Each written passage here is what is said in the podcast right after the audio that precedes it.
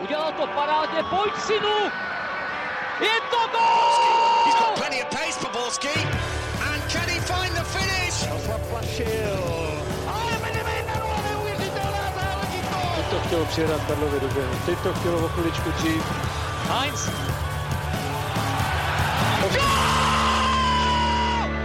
Dobrý den, vítám vás u sledování a poslechu nového dílu Fotbal Focus podcastu ČT Sport. Tentokrát jsou mými hosty Vladimír Grebenikov z O2 TV. Ahoj Vláďo. Ahoj a děkuji za pozvání. A poprvé je tu taky Pavel Šťastný eh, z Deníku Sport. Ahoj. Ahoj všem, díky za pozvání. Od mikrofonu zdraví Honřej Nováček. Pojďme na to. České týmy dělají v téhle sezóně s koeficientem tak neuvěřitelné věci, eh, kluci, že přímý postup do ligy mistrů není ale vůbec nereální.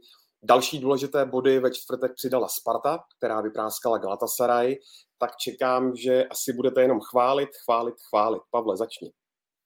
Tak ono to nejde jinak, když vyřadíš Galatasaray, hledat negativa by byla hloupost. A je to turecký velkoklub, kvalitní tým, máš tam Icardiho, Demirbaje, Mertense, to jsou jména jak blázen. A důležité je se dívat na to, jak Sparta vyřadila Galatasaray. Byly to sebevědomí výkony, dominantní, prostě na chvíli asi ani nezapochybovali, že, že by třeba nemohli uspět. A to je podle mě jako jeden z klíčů k tomu úspěchu. Říkal to i trenér Brian Priske teď někde v rozhovoru pro dánská média, že jeho hlavní cíl je dostat těm hráčům do hlavy, aby věřili v té své kvality, že můžou prostě hrát proti těmhle týmům on to může zda, jako se zdát jako kliše, ale prostě když to těm hráčům fakt tlučeš do těch hlav a oni tomu uvěří, tak prostě nabereš ten pocit, že, že tě nezastaví nikdo a to bylo prostě teď vidět, no. Je to obrovský úspěch. To je pro mě osobně asi ta největší změna ve Spartě, že ti hráči věří tomu úspěchu, že ať už s Dynamem Záhřeb nebo teď z Galatasaray, eh, že zkrátka prohraješ ten první zápas, ale věříš tomu, že to můžeš zvládnout a přijde mi, že ani, ani tam už nejsou pochybnosti, je to pojedeme domů a tam to zvládneme. Eh, teď bylo i to video buď v týmu, kde Honza Kuchta říká, dneska postoupíme před zápasem, takže zkrátka ta mentalita je úplně jiná, než to u Sparty bylo. Bavíme se o tom v podstatě každý týden, jak velký pokrok Sparta v tomhle směru udělala a hodně mě to zaujalo i směrem k tomuhle zápasu, kdybych řekl, že fyzicky vlastně přejela Galatasaray, že to chtěla víc, měla větší chuť zatím jít, prostě porvat se o to, vydat se ze všech sil. Eh, Lukáš Harastlín téměř nemohl chodit, to samý Honza Kuchta. Zkrátka mi přijde, že teď ty hráči jsou nastavení tak, že ten úspěch chtějí a chtějí to víc než ten soupeř.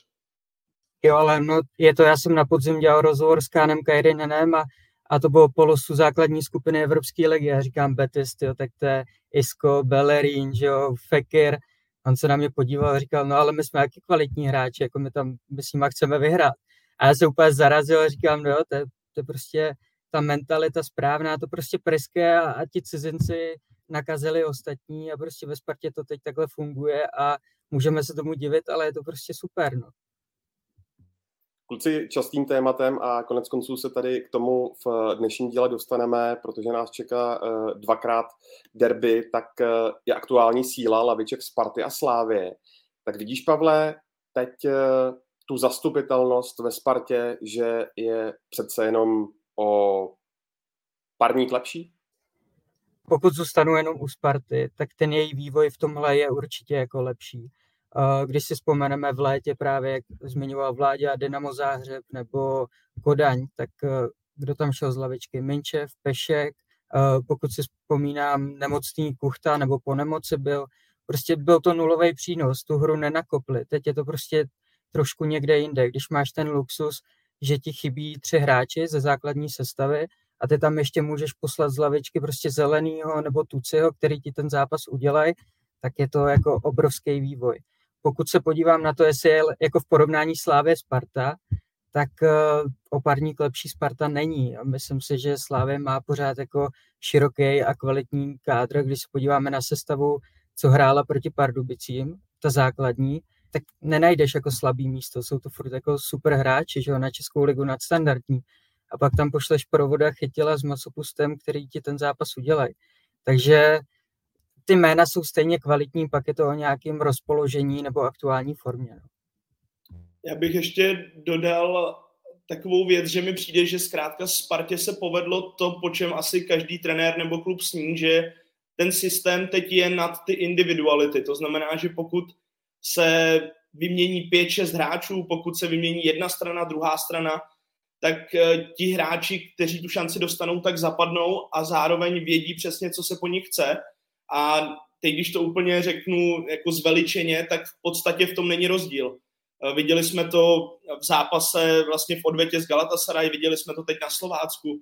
Hráli v podstatě jiné týmy, ale je to tak, že mě to hrozně připomíná Slávy eh, pár let zpět, kdy to bylo tak, že když někdo vypadl, někoho tam dohodili a on se svezl s tím týmem, což podle mě teď má přesně Sparta, že ti hráči vědí, že těch šancí třeba nemusí přijít dalších 5-6 a že v ideální jedenáctce se do té sestavy nedostanou, takže zkrátka musí předvést maximální výkon. A teď mi přijde, že Sparta přesně je v tom, že ten systém funguje a jenom se do něj vyměňují jednotlivé součástky, ale pořád to jede stejně a vypadá to stejně. I se stejným výsledkem. Tak to dokazuje to chování na tom přestupovém trhu od příchodu Briana Preského. Oni prostě chodí, teď jsem viděl na klubovém webu rozhovor s Presiádem a on se pochvaloval to, že mu sedí, jakým stylem Sparta hraje, že když jako se dozvěděl, že hrají 3-4-3, že řekl, jo, tam chci, ale to není jako náhoda, že Sparta ho s tímhle osloví. Takže, takže i ty hráči, který, který jdou do té Sparty, tak prostě je pro ně jednoduchý se adaptovat na ten, na ten herní styl, na ten systém, protože Sparta funguje jako systematicky. No. To bych, to bych přesně potvrdil, protože mi teď přijde, že daleko i jednodušším způsobem se ty posily hledají, protože už víte, eh, co přesně chcete a zároveň víte, že ten systém nějak funguje a není to tak, že byste přivedli hráče a hledali ten systém, ale už spíš hledáte ty položky do toho fungujícího systému. Takže přesně jak říkal Pavel, eh, je to tak, že vy si vezmete presiáda, protože víte, že tady třeba bylo místo, o kterém jsme se často bavili, že Spartu možná tlačila bota, že Tomáš Wiesner byl spíše, řekněme, ofenzivnějším typem toho wingbacka Honza Mejdr zase tím defenzivnějším a oni hledali něco, něco mezi, nějakého, řekněme, game changera, protože na té druhé straně, ať už to byl Jaroslav Zelený, nebo třeba teď taková, řeknu, kometa Matěj Rineš, tak eh, tam to funguje, takže hledali třeba tu pravou stranu a přesně tak, jak říká Pavel, věděli, co chtějí a teď to dostali a tím, jak Presiado sbírá zkušenosti, tak je čím dál lepší, o čemž se asi budeme bavit. Budeme, budeme, protože mě zajímá, eh, kdybyste třeba měli za ten dvojzápas vyzvihnout jedno jediné jméno, tak eh, které by to bylo, asi, asi Angelo Presiado by figuroval na těch čelních příčkách ne ne nejvyšší, Pavle. Tak Sparta porazila Galatasaray jako tým, jo. To, to, to je potřeba říct, ale pokud se chceme bavit o konkrétních jménech, tak eh, za mě Kanka Irinen, Honza Kuchta a Presiado, jasně, jednička. Jako prostě dva góly dal, byl neskutečný a byl jsem v kontaktu během toho dvojzápasu s tureckým novinářem a, a prostě byl závěrečný hvězd eh, v odvetě a okamžitě mi přistála zpráva, že to kluka chcou prostě do půl roku v Turecku, že ho, ho zbožňujou a, a že se na něj super dívalo, takže takže jo, on, on prostě byl klíčový hráč toho postupu, je extrémně rychlej a uh, zaměstnal a podle mě až vymazal třeba levou stranu Galatasaray. No. No, já když eh, na to navážu, tak uh, mně přijde, že třeba ty jeho první tři kroky jsou úplně, úplně odskočené od toho, co tady třeba můžeme vidět v Lize. A trošku mi ten jeho začátek připomíná Birmančeviče, kdy daleko větší dojem asi na nás všechny dělal v Evropě, protože přece jenom ten styl hry je tam trošku o něčem jiném. Je tam víc prostoru, samozřejmě ty týmy proti Spartě nezalezou na vápno a nečekají a on má prostor se ukázat. A přesně tady to bylo vidět, když si říkám, že podstatě ten eh, obránce Galatasaray, který tam s ním musel běhat, tak si myslím, že to měl eh, naprosto plné zuby. A ještě když zmíním eh, jednu vtipnou historku, tak jemu přezdívají Amigo vlastně ve tom spartianském kolektivu. A teď bylo vidět na konci toho videa buď v týmu, kdy po něm chtěli, aby, aby jako něco řekl a on říkal v angličtině jako už mi neříkejte Amigo, já jsem Angelo Presiado a všichni začali skandovat a tak podobně, takže je vidět, že i, i v šatně se začíná víc a víc projevovat. No, kluci, Lukáš Haraslín má nový kontrakt, se Spartou podepsal uh, víceletou smlouvu, taky Asger Serencem a na to že on vlastně přicházel jako náhrada za zraněného Ondřeje Čelůstku, tak to možná dopadlo i lépe, než se čekalo, Pavle? Já jsem to tak použil teď v jednom článku, když podepisoval tu smlouvu, že přišel za Ondřeje Čelůstku. Ona to tak Sparta jako prezentovala, ale nemyslím si, že to úplně tak bylo, nebo že by to byl nějaký uh, nějaký tak z nouze. Oni moc dobře věděli, koho berou. Uh, Brian Priske ho znal, takže myslím si, že nejsou úplně tak překvapení, že, že to dopadlo takovým způsobem. Filipanák to komentoval, že nepamatuje cizince, který by zaplul takhle do České ligy, která je jako nějak výjimečná tou soubojovostí a takhle a on se na to adaptoval. To je prostě Serencenův styl, tvrdost, zodpovědnost, je extrémní kliděc, že jo, toto asi z něj čiší na tom hřišti. A ještě zmínil Filipanák jednu důležitou věc, že je taková jako spojka mezi cizinci a českými hráči, jo? že také jsme to nazvali tak jako táta cizinců. Prostě přijde, přišel do té kabiny, zapadl tam, je na něj spolech na hřišti, takže Sparta si nemůže stěžovat a jenom plus, že si ho pojistila na další roky. No.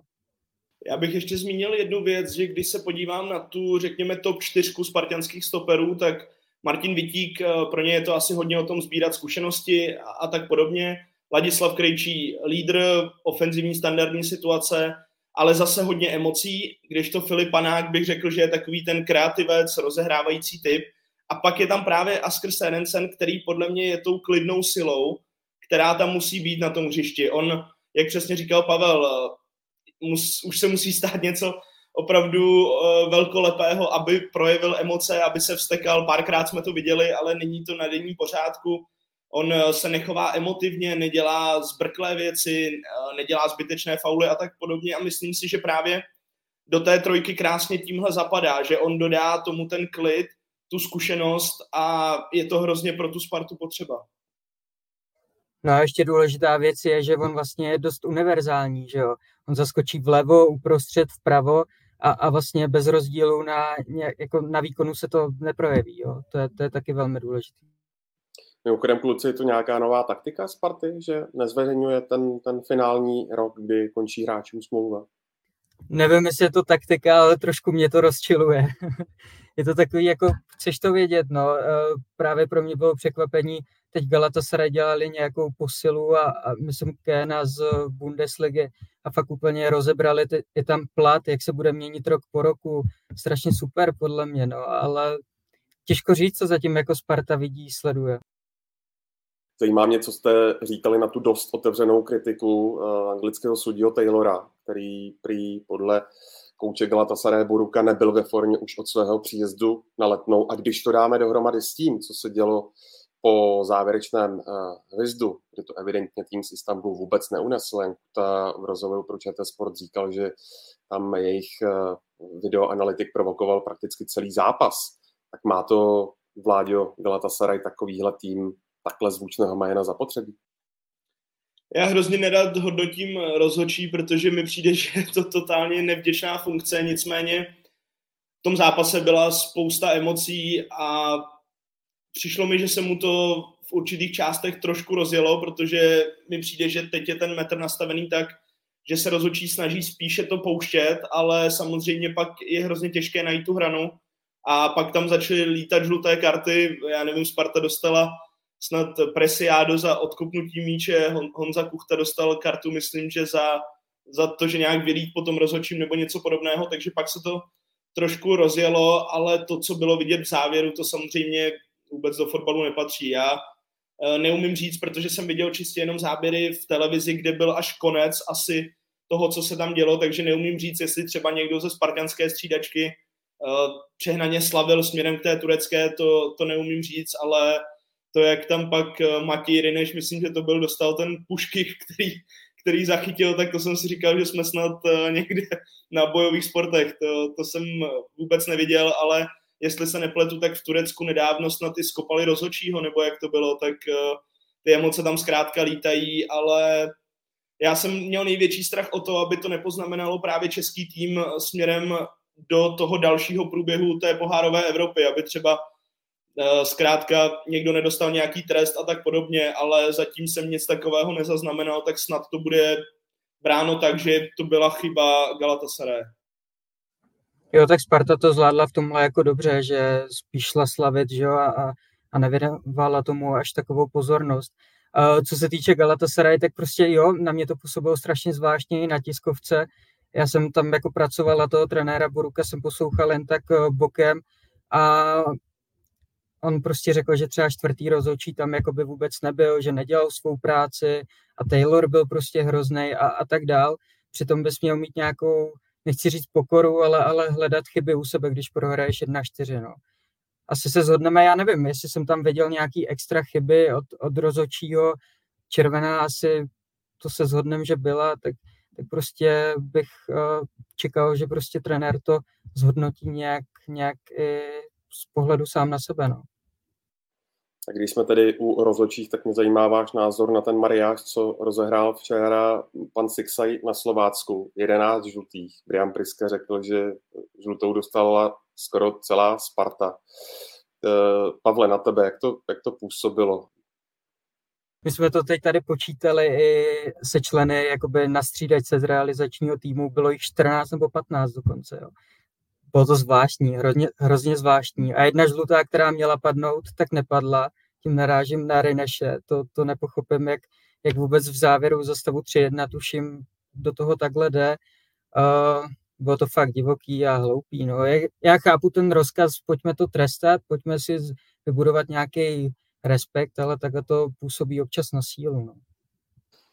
Sparta každopádně dostala nalosovaného jednoho z nejtěžších, ne nejtěžšího soupeře, a tím je Liverpool pro osmi finále Evropské ligy. Tak mě zajímá vaše hodnocení eh, tohoto losu a zda jste spíše na straně těch, kdo se na takovéhle měření sil vyloženě těší. To první utkání je na programu 7. března ve čtvrtek od 3 čtvrtě na 7 a, a nebo byste spíš uvítali přece jenom eh, někoho trošku hratelnějšího kluci? Vládě. No, eh, jak říkáš, ty jsou na to dva pohledy. Za mě čistě z fotbalového hlediska eh, mě to jako nezaujatého diváka hrozně zajímá, těším se na to, chci to vidět, ale rozumím i té stránce, že zkrátka fanoušci chtějí postup. Už to není dávno tak, že pojďme si vyměnit dresy z hráči Liverpoolu a, a dostaneme čtyři góly a budeme vlastně šťastní, protože uh, i fanoušci, ať už Sparty nebo Slávie, zažili úspěchy a teď, teď zkrátka jsou na vlně, takže si myslím, že oni by chtěli asi schůdnějšího soupeře nebo aspoň papírově vyrovnanějšího, aby byla větší šance postoupit. Na druhou stranu, když se podíváme na Liverpool, tak uh, Liverpool má těžký program, to je, to je jedna věc, má spoustu zraněných hráčů. Teď, když jsem viděl poslední zápas v rámci Premier League, tak uh, tam bylo tuším 8 hráčů třeba na Marocce nebo něco podobného. A ještě, jestli se nepletu, tak uh, v, tom, v té době mezi těmi dvěma zápasy se Spartou hraje s Manchesterem City v podstatě jeden z klíčových zápasů sezóny. Takže v tomhle to pro mě by mohlo být i zajímavější a jsem hrozně zvědavý, zejména na ten první zápas, který je na letné, tuším, že tam možná čekám, že Liverpool i směrem k tomu zápasu se City zvolí trošku uh, horší sestavu, zní asi komicky uh, v týmu jako Liverpool, ale jestli mi rozumíte, že zkrátka zvolí sestavu, kdy třeba nechá ať už doléčit nebo ještě odpočinout některé hráče a třeba to případně bude nahánět pak eh, doma. Nebo takhle to čekám já. Já Spartě jednoznačně přeju v téhle fázi prostě Liverpool a, a bavit se o tom hratelnější soupeř, to slovo je strašně jako um, koho jsi tam měl dál potom? Atalantu, Brighton, strašně jako silný soupeře, jo.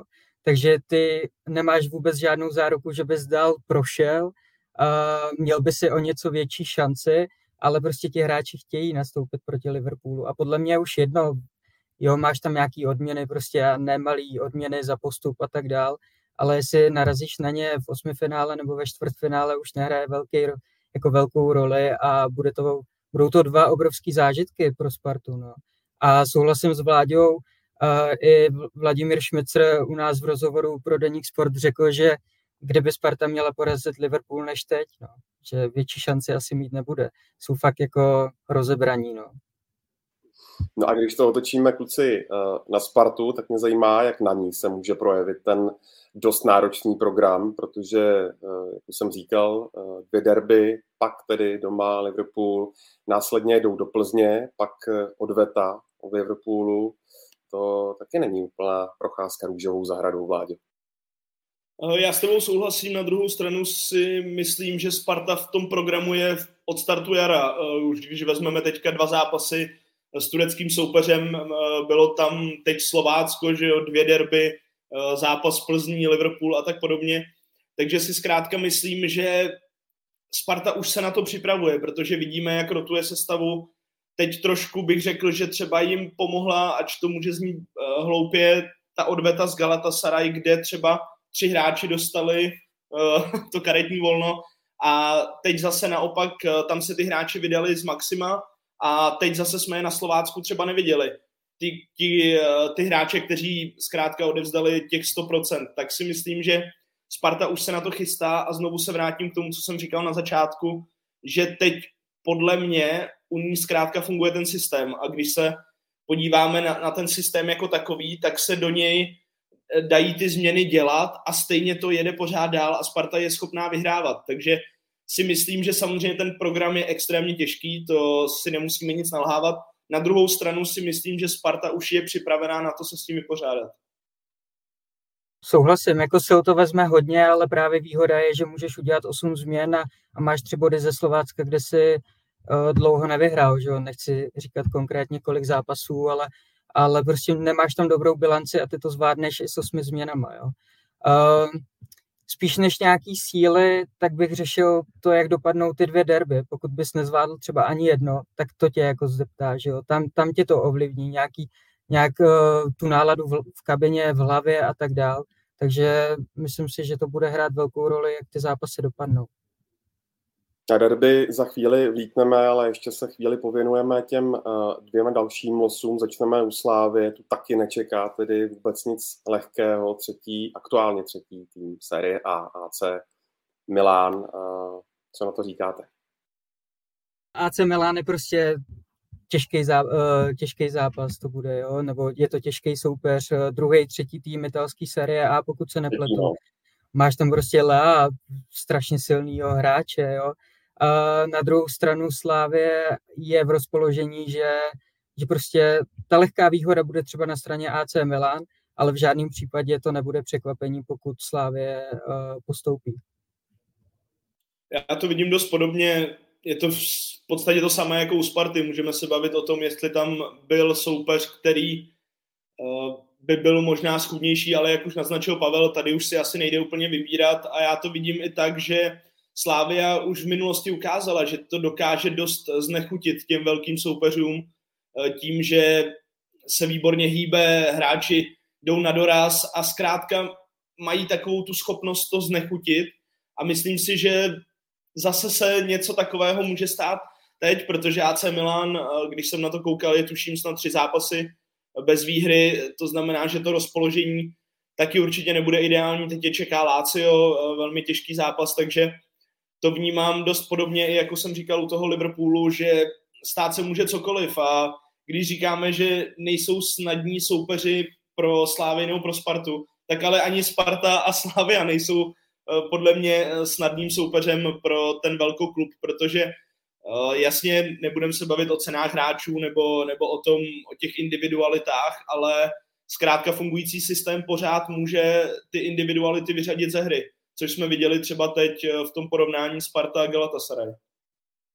Jo, to dokazuje i to, jak Klopp mluvil třeba o Spartě, že jo, a že Slávě může porazit a postoupit přes AC Milan. Jsme viděli, když na Eden, nebo do Edenu přijel AS Řím, že jo, to byl strašně super dominantní výkon a, a proč by to nemohli zopakovat proti AC Milan. Takže Slávě tu šanci má za mě o něco vyšší než Sparta, ale uvidíme. No. To se mi líbí, ten váš optimismus, to je, to je skvělý. Jako. Uh, no, ale tak... No, je to, je to tak, já s tím souhlasím a samozřejmě jak Slávy, tak Spartě a konec konců i Plzni, která dostala servet, tak moc uh, držím palce. Tak uh, servet to, když se podíváme na podzim, jak s ním zametla Slávy a to je to je dobrý los. To jsem chtěl přesně použít jako příklad, že Slavia vyhrála jak tam, tak pak vyhrála i doma. A možná i ukázala cestu Plzni třeba jakým stylem eh, se dá proti Servet hrát a určitě, eh, což nebude žádná novinka, je to nejschudnější soupeř z těch eh, všech tří a určitě porazitelný soupeř, nicméně zase bude záležet na spoustě různých faktorů, na tom, jak se Plzni bude dařit, protože teď mi zase přijde, že se dostává do formy po určitých výkonech, které třeba nebyly uh, ideální a ať už uh, směrem k Pavlu Šulcovi, který zas a znovu prokazuje to, že dává góly. Třeba Jon Moskera se dostal zpátky do sestavy, má, má daleko důležitější roli. V jeden čas už jsem si myslel, že třeba je to hráč, který je na odchodu z Plzně, protože po tom, co pro kouče Bílka byl téměř nepostradatelným faktorem, tak tady najednou nehrál a, a teď dal krásný gol z přímého kopu, takže si říkám, že zase bude záležet na tom aktuálním rozpoložení, ale určitě si myslím, že je to v silách Plzně, aby server vyřadil. Je to určitě v silách Plzně, myslím si, že jsou favorit a hlavně pokud by přes ně nepostoupili, tak si myslím, že budou v Plzni zklamaní, protože v tom poháru neměli extra atraktivního soupeře a můžeš na něj narazit v tom dalším kole. Takže tohle je obrovská motivace. No. Tak jo, eh, zajímají mě i vaše eh, posluchačské divácké typy, jak eh, to s třemi českými celky v pohárové Evropě dopadne. Klidně napište vaše typy do komentářů.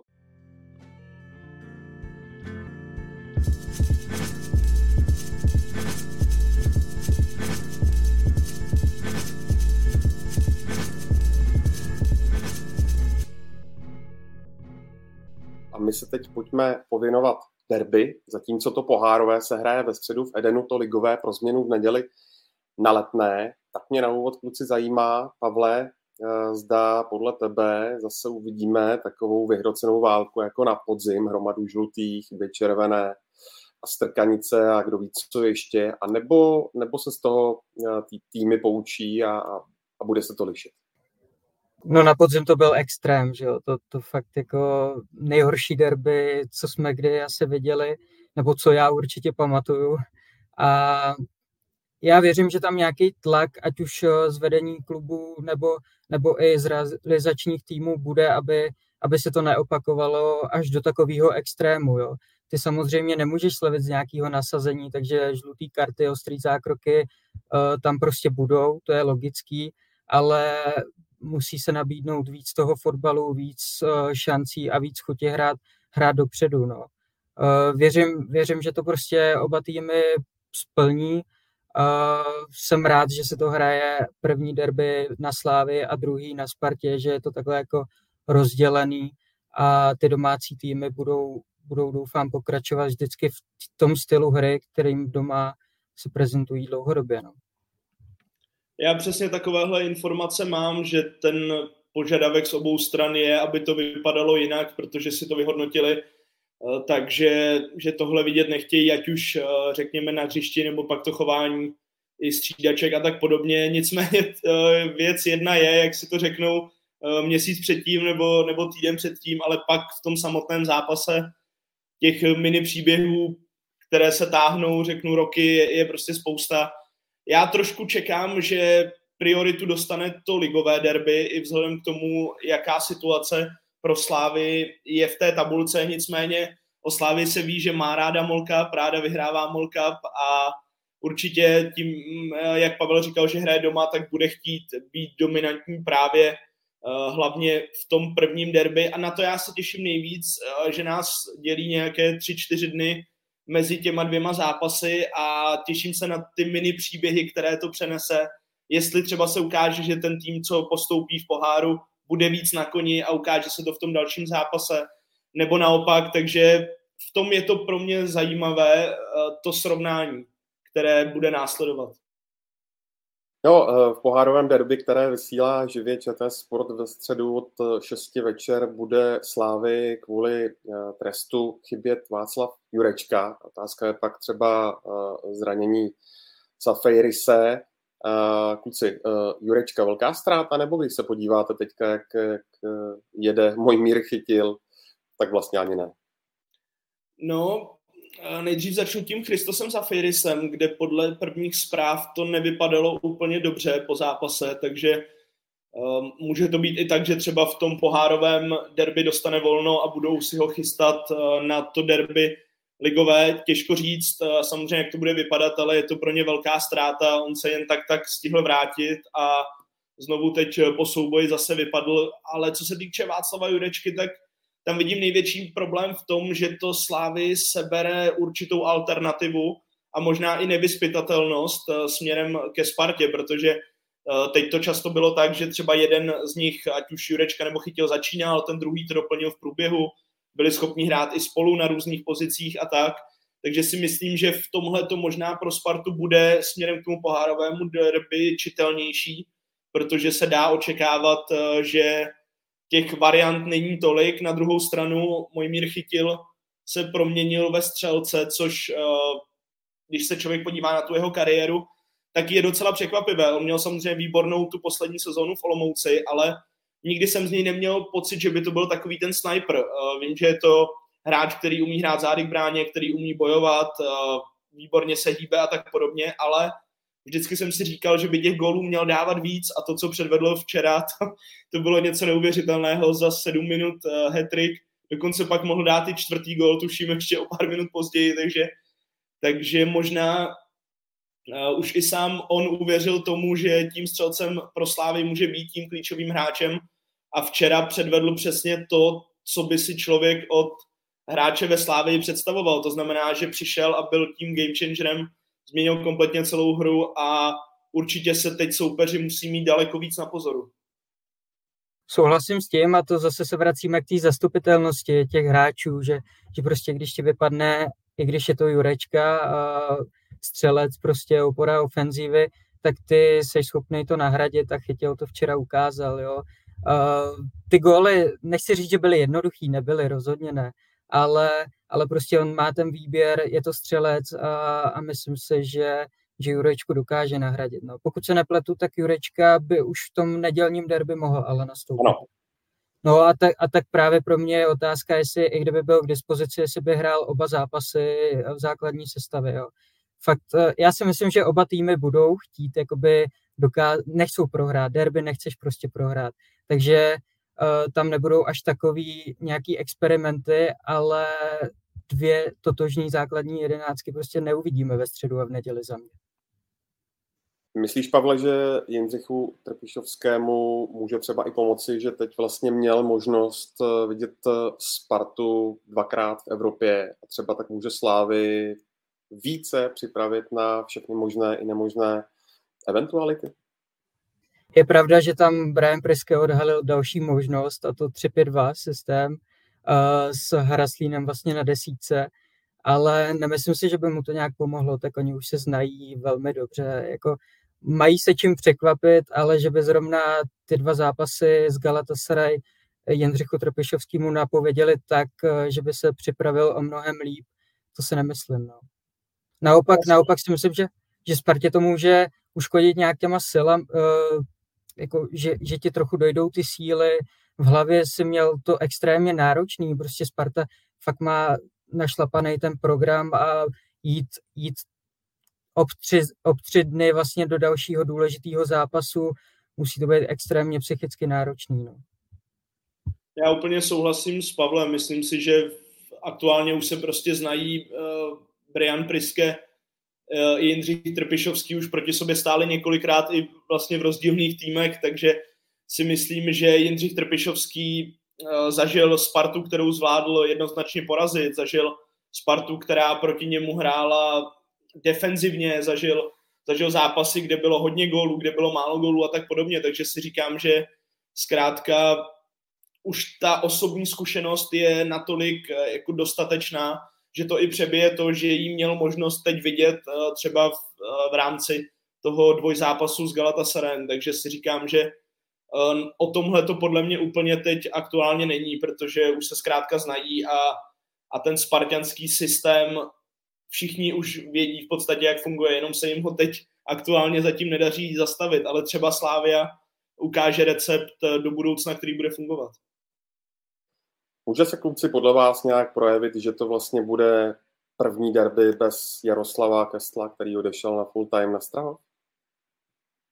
Já v tom zatím eh, nemám úplně jasno, protože si myslím, že bude ještě chvíli trvat, než se ukáže, jestli Milan Kerber ho zastoupil, případně, když to přeženu, tak jestli ho nějakým stylem předčil, zatím bych spíš řekl, že se pořád tak trošku seznamuje s tím prostředím, s tím, jak to funguje i na slavistické lavičce, protože dřív jsme mohli hodně vidět, že se radilo, řeknu, trio uh, trenérů Jindřich Trpišovský, Jaroslav Kestl a Zdeněk Houštecký zbíhal z toho svého místa uh, na tribuně v Edenu a radili se tak nějak ve třech. Teď to spíš vnímám, že je to hodně o Jindřichu Trpišovském a Zdeňku Houšteckém.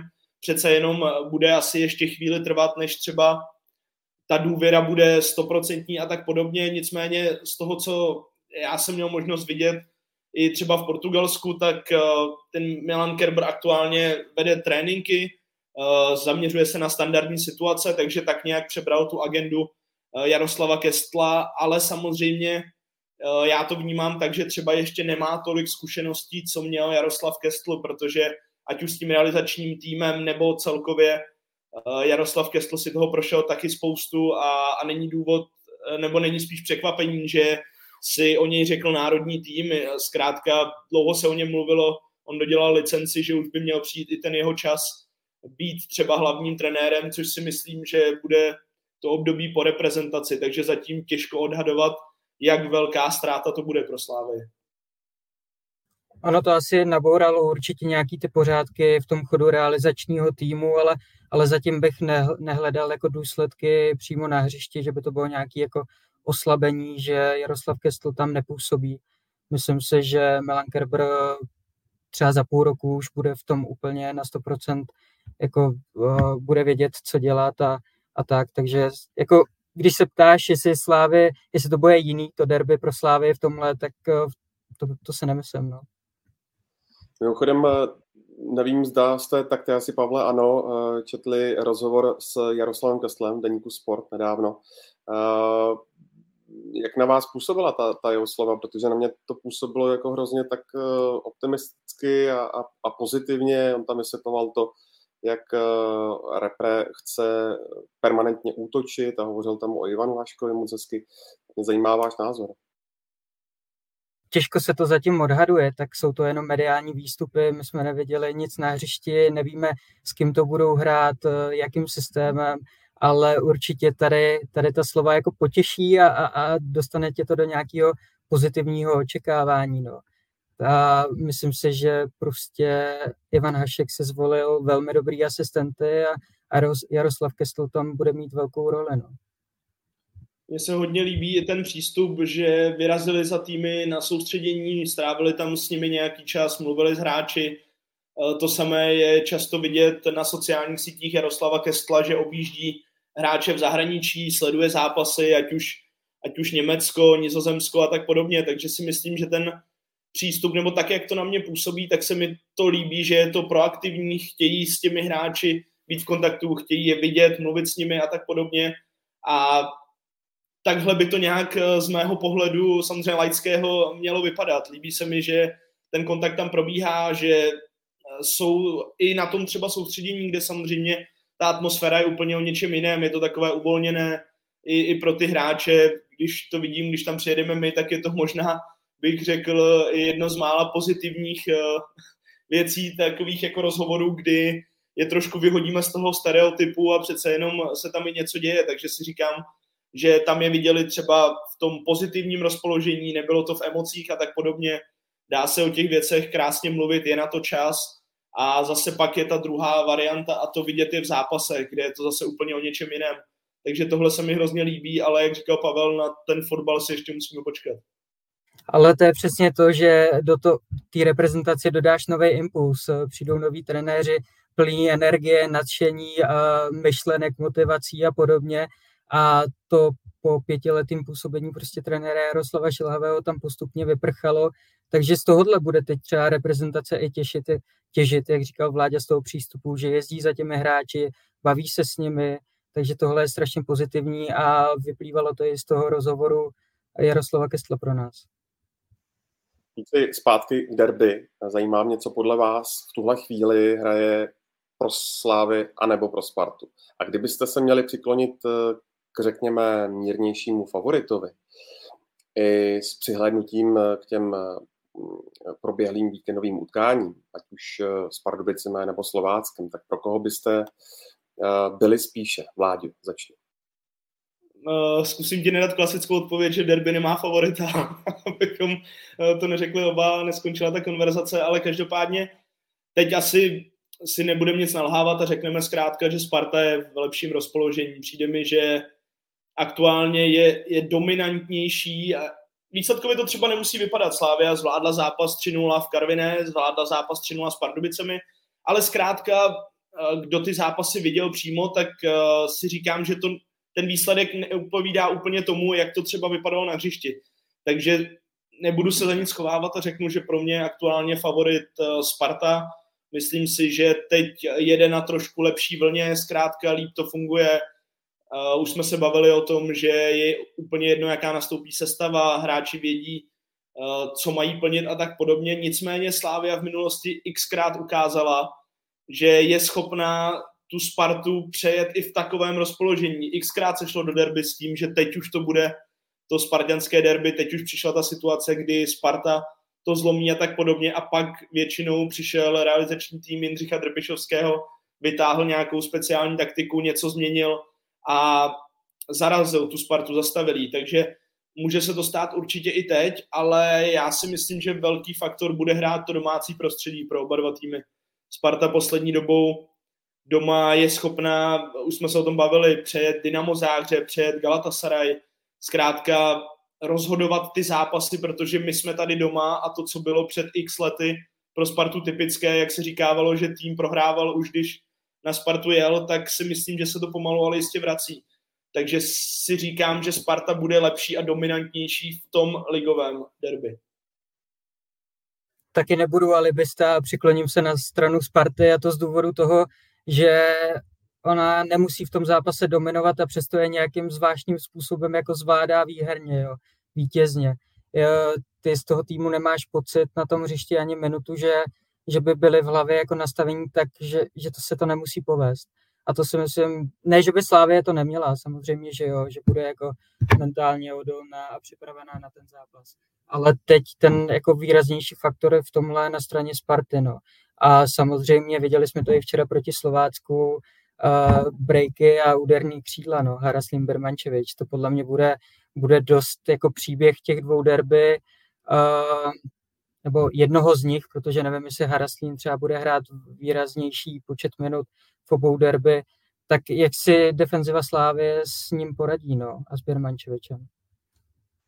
A když jsme u těch konkrétních men, tak očekáváte, že tam ať už v jedné či druhé sestavě bude třeba nějaké Eh, jmené překvápko, Vláďu?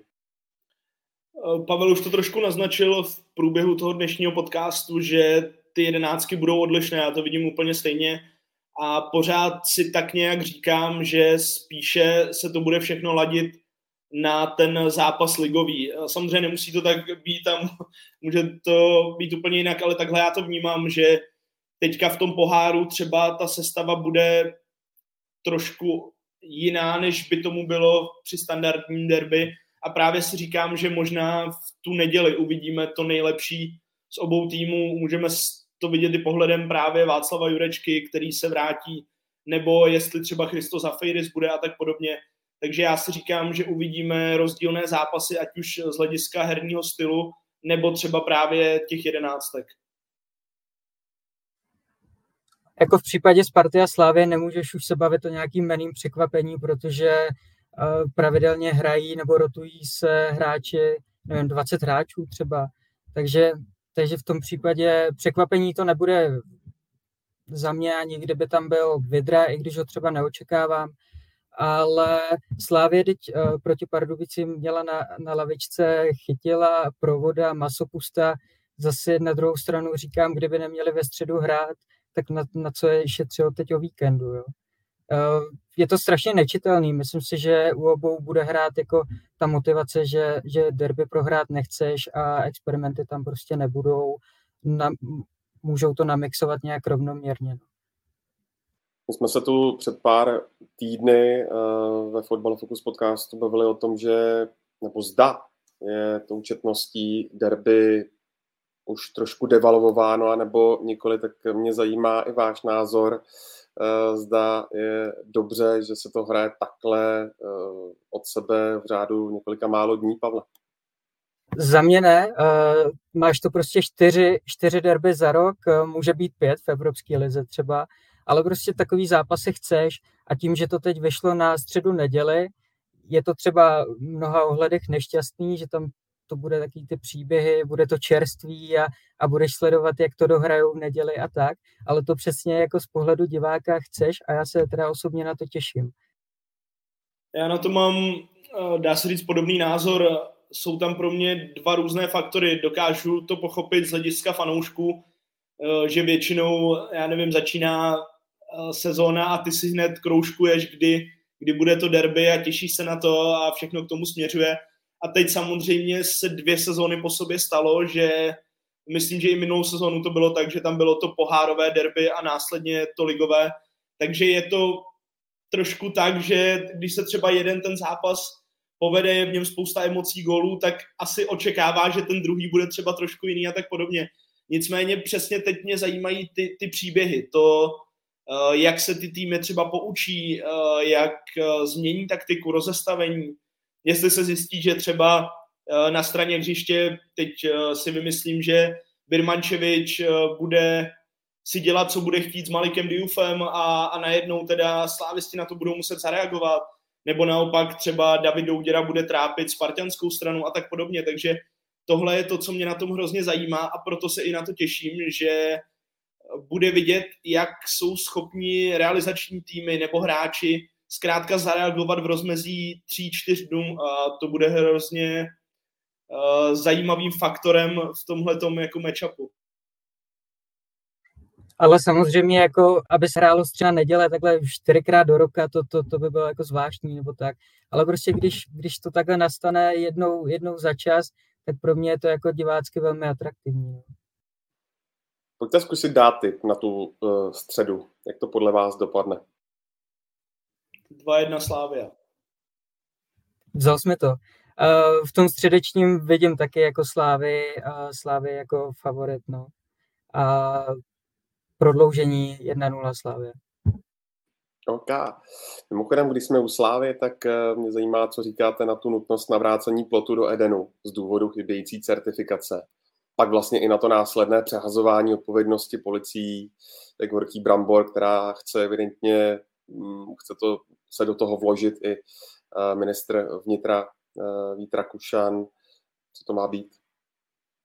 No, eh, já když to vezmu trošku ze široka, tak já mám rád podcast za čárou. Díky tomu jsem se dozvěděl o spoustě věcí, které samozřejmě tím, že nechodím aktivně jako fanoušek na stadiony z hlediska práce, tak si to nemůžu dovolit. To znamená, že jsem vůbec nevěděl, kolik různých témat je důležitých do té diskuze a tak podobně a líbí se mi, že ten podcast zkrátka se věnuje různým problémům, které jsou pro fanoušky, ať už hostující nebo, nebo i domácí, zlepšuje to prostředí a tak dále a hrozně se mi líbí, jakým směrem se to vydává, že začíná chodit víc a víc lidí, atmosféra je daleko lepší, Eh, zlepšuje se to prostředí, sundávají se osnaté dráty a tak podobně.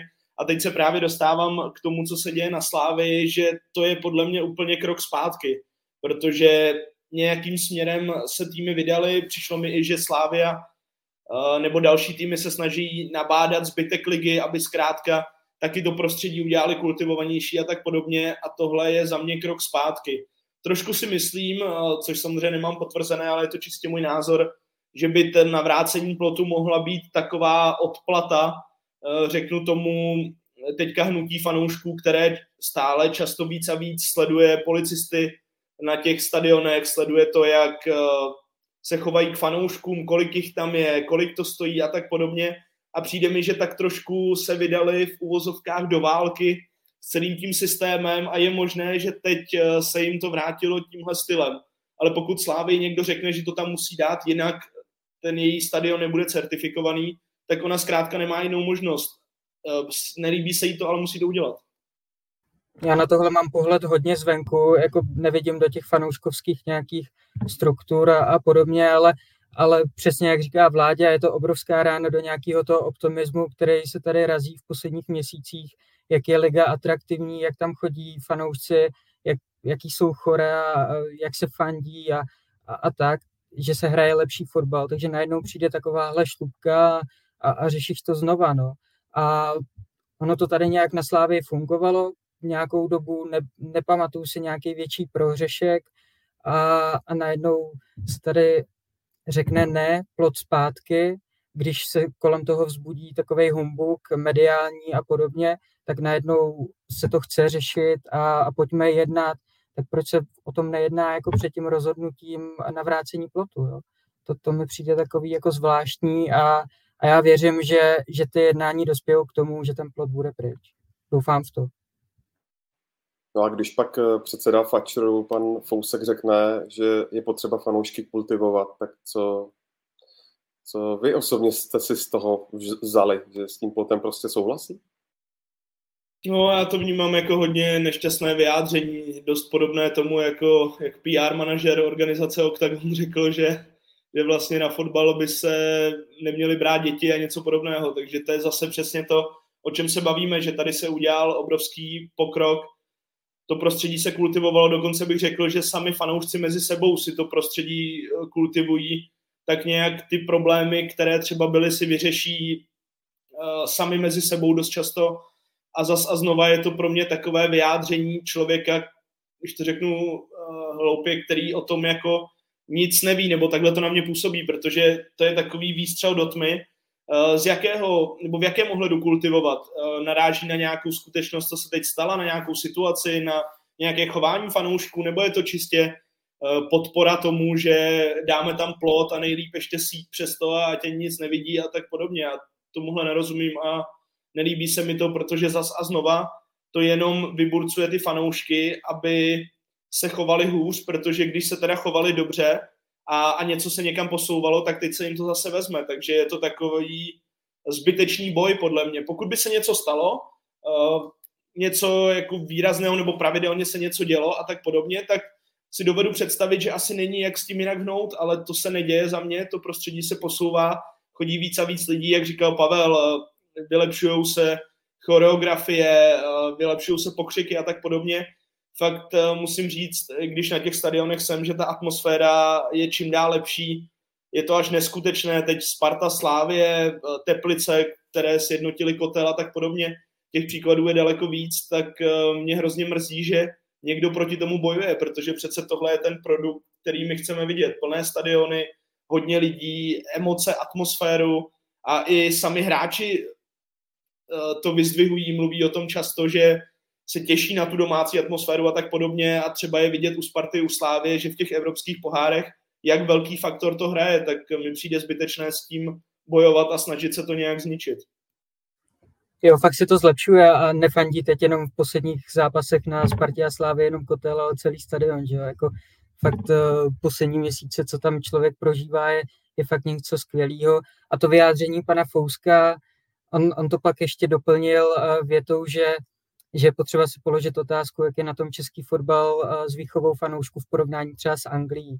Jo, jak říká vládě, tady není prostě žádný extra problém a tahle, tohle vyjádření ti vzbuzuje jenom v té veřejnosti, která třeba ten fotbal vnímá s odstupem dvou kilometrů, třeba řeknu, tak prostě vzbuzuje strach a, a takovou tu myšlenku, no tam se prostě může něco stát, nechoď tam a takhle. Ale prostě, když seš na těch stadionech týden co týden, tak je to v minimálním měřítku. No. A pojďme teda, když chceme jakoby bojovat a kultivovat ty fanoušky, tak pojďme jim dát prostor, být volní a, a ukázat se. No. No a když jsme u pana Fouska, tak ještě jedna věc, protože bylo oznámeno, že uh, manažer reprezentace nebude minimálně znám do mistrovství Evropy letošního roku, tak chybí manažer, nebo berete to jako fiasko, nebo uh, souhlasíte třeba se slovy uh, Vládi Šmicera, který vlastně ještě předtím, než to bylo oznámeno, tak říkal, že vlastně teď ani manažer nemá smysl, protože nebyl u toho výběru Ivana Haška a, a nebyl u výběru ubytování a tak dále. A tak dále. Já to asi vnímám tak, jak to bylo řečeno, že pokud doteď uh, ta funkce nebyla potřeba, tak možná je to přesně tak, jak říká Vladimír Šmicer, že už není potřeba nadále. Já jsem četl něco o tom, že by třeba bylo možné tu funkci spojit uh, s technickým ředitelem Erichem Brabcem, který stejně uh, na tom Strahově je, dejme tomu, denodenně a že by to bylo možné třeba, aby tahle funkce byla v jeho kompetencích a spojilo se to s tím, co má, tak to mi, to mi dává smysl ale pokud to běží i bez té funkce, tak asi speciálně ji tvořit na sílu a, a hledat někoho k tomu uh, za mě není potřeba. A teď je otázka, jak to funguje. Tak uh, ostatní národní týmy prostě tu pozici manažera mají a, a nepředpokládám, že třeba Marek Hamšík na Slovensku nemá co dělat a, a je tam jenom jako nějaký mentor nebo maskot. Jo. Prostě těch kompetencí je dost. Psal o tom dobrý komentář v deníku Sport Radek Špriněr, kde kde popisoval, co to všechno obnáší. Jsou to prostě smlouvy, bonusy, prémiový řád, mám to tady všechno vypsaný, schůzky s partnery, komunikace s kluby v cizině a tak dál. On to do nějaký míry může suplovat třeba trenér Ivan Hašek, tu komunikaci s hráči a tak dále, ale, ale prostě teď to rozdělíš e, mezi víc lidí, jak se stalo, teď ti tomu někdo musí šéfovat, musí jako nad tím na to dohlížet. Podle mě ta funkce má svůj význam a kdyby neměla, tak přece Petr Fousek aktivně tři měsíce tady nehledá, koho tam obsadí. No. A pokud to přeženu v, nadsázce, v nadsázce, když se vzpomeneme na podzim, tak kdo bude psát třeba Čvančerovi do Bundesligy sms že se nedostal do nominace, že No to je fakt, no.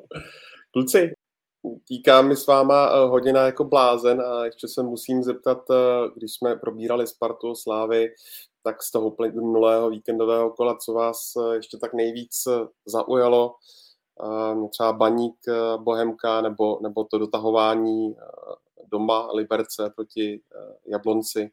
Je tam ještě něco jiného, nebo tohleto? No, já musím zmínit to další derby, když jsme tady u těch derby, tak zmíním to podještěcké, protože já jsem ten den měl směnu na sestřihy v práci a zrovna tenhle zápas jsem měl na starost tak už asi čtyřikrát jsem si říkal, aha, tak, tak takhle to zakončíme, takhle to zakončíme a v tom, v tom se dělo dál a dál pořád něco. Tak přišlo mi to až neuvěřitelné, že Jablonec ten zápas nedotáhl do konce, tam, tam byly věci, kdy, kdy Liberec snížil na 1-2 a v podstatě po rozehrávce asi pět vteřin dostal na 3-1, následně teda se Liberci podařilo ten zápas dorovnat a tak podobně, takže to za mě byl naprosto famózní zápas a kdybychom takové derby viděli i mezi Spartou a Sláví, tak eh, z toho budu nadšený. Když Vládě zmínil derby, tak já zůstanu u toho baníku. Pro mě je takový zrážející, že sedm zápasů doma vlastně nevyhraješ, ztratíš to proti deseti, nemají prostě konzistentní výkony. Já jsem se díval, uh, oni třeba z první šestky koho porazili, vlastně skoro nikoho. Pokud mají předvést nějaký jako výkon, potvr, uh, ukázat tu svou sílu, tak herně ano, třeba proti Slávy, Spartě i Plzni odehráli dobrý zápasy, ale na to si nikdo nespomene, když máš nula bodů. Sráží tě to jako týden co týden, pak se tam objeví nějaká naděje, že by to mohlo fungovat, vyhraješ 3-1 v Boleslavi, ale za týden jsi zase jako neříkám, že, že bys měl brát automaticky výhru s Bohemkou, ale, ale remíza pro baník doma je prostě málo. Tam, tam prostě ty problémy nejsou vyřešený. No.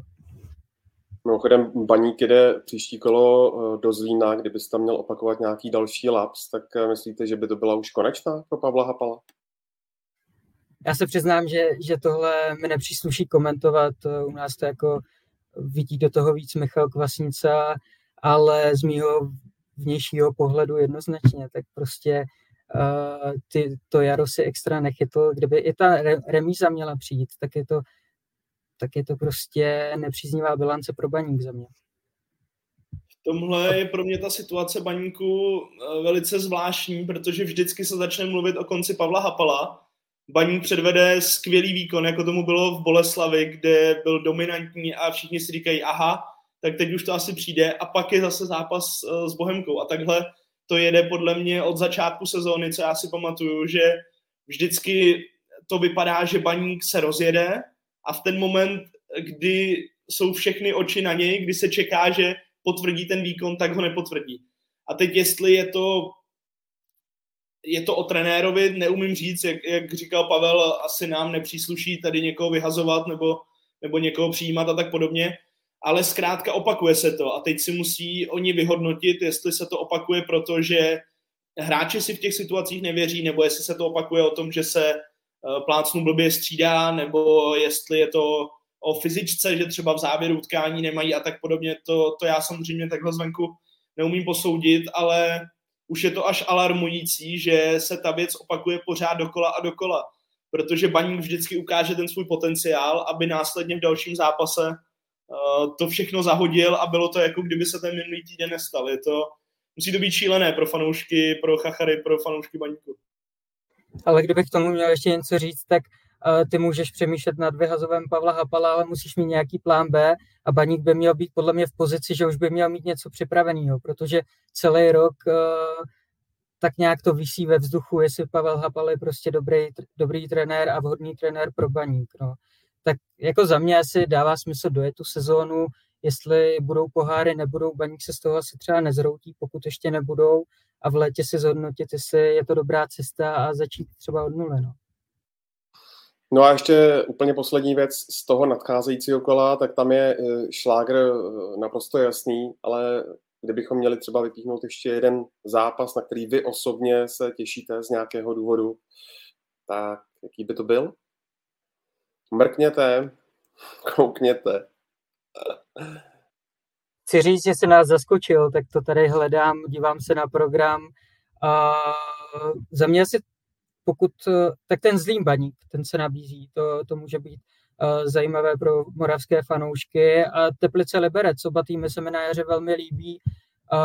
Teplice mě překvapily teď tím výsledkem s Karvinou, že dávají prostě góly na podzem, to bylo takový jako do ofenzivy velmi, velmi nijaký, když to tak řeknu a teď najednou jsou schopni dávat góly, takže je to pro mě překvapení a jsem zvědavý, jestli to potvrdí s Libercem. Tak já zmíním eh, Mladá Boleslav České Budějovice, protože Mladá Boleslav eh, mi mnohem připomíná právě ten zmiňovaný baník, protože je to taky nahoru dolů eh, v ofenzivě extrémně zajímaví hráči, kteří ale taky je to jednou tak, jednou tak.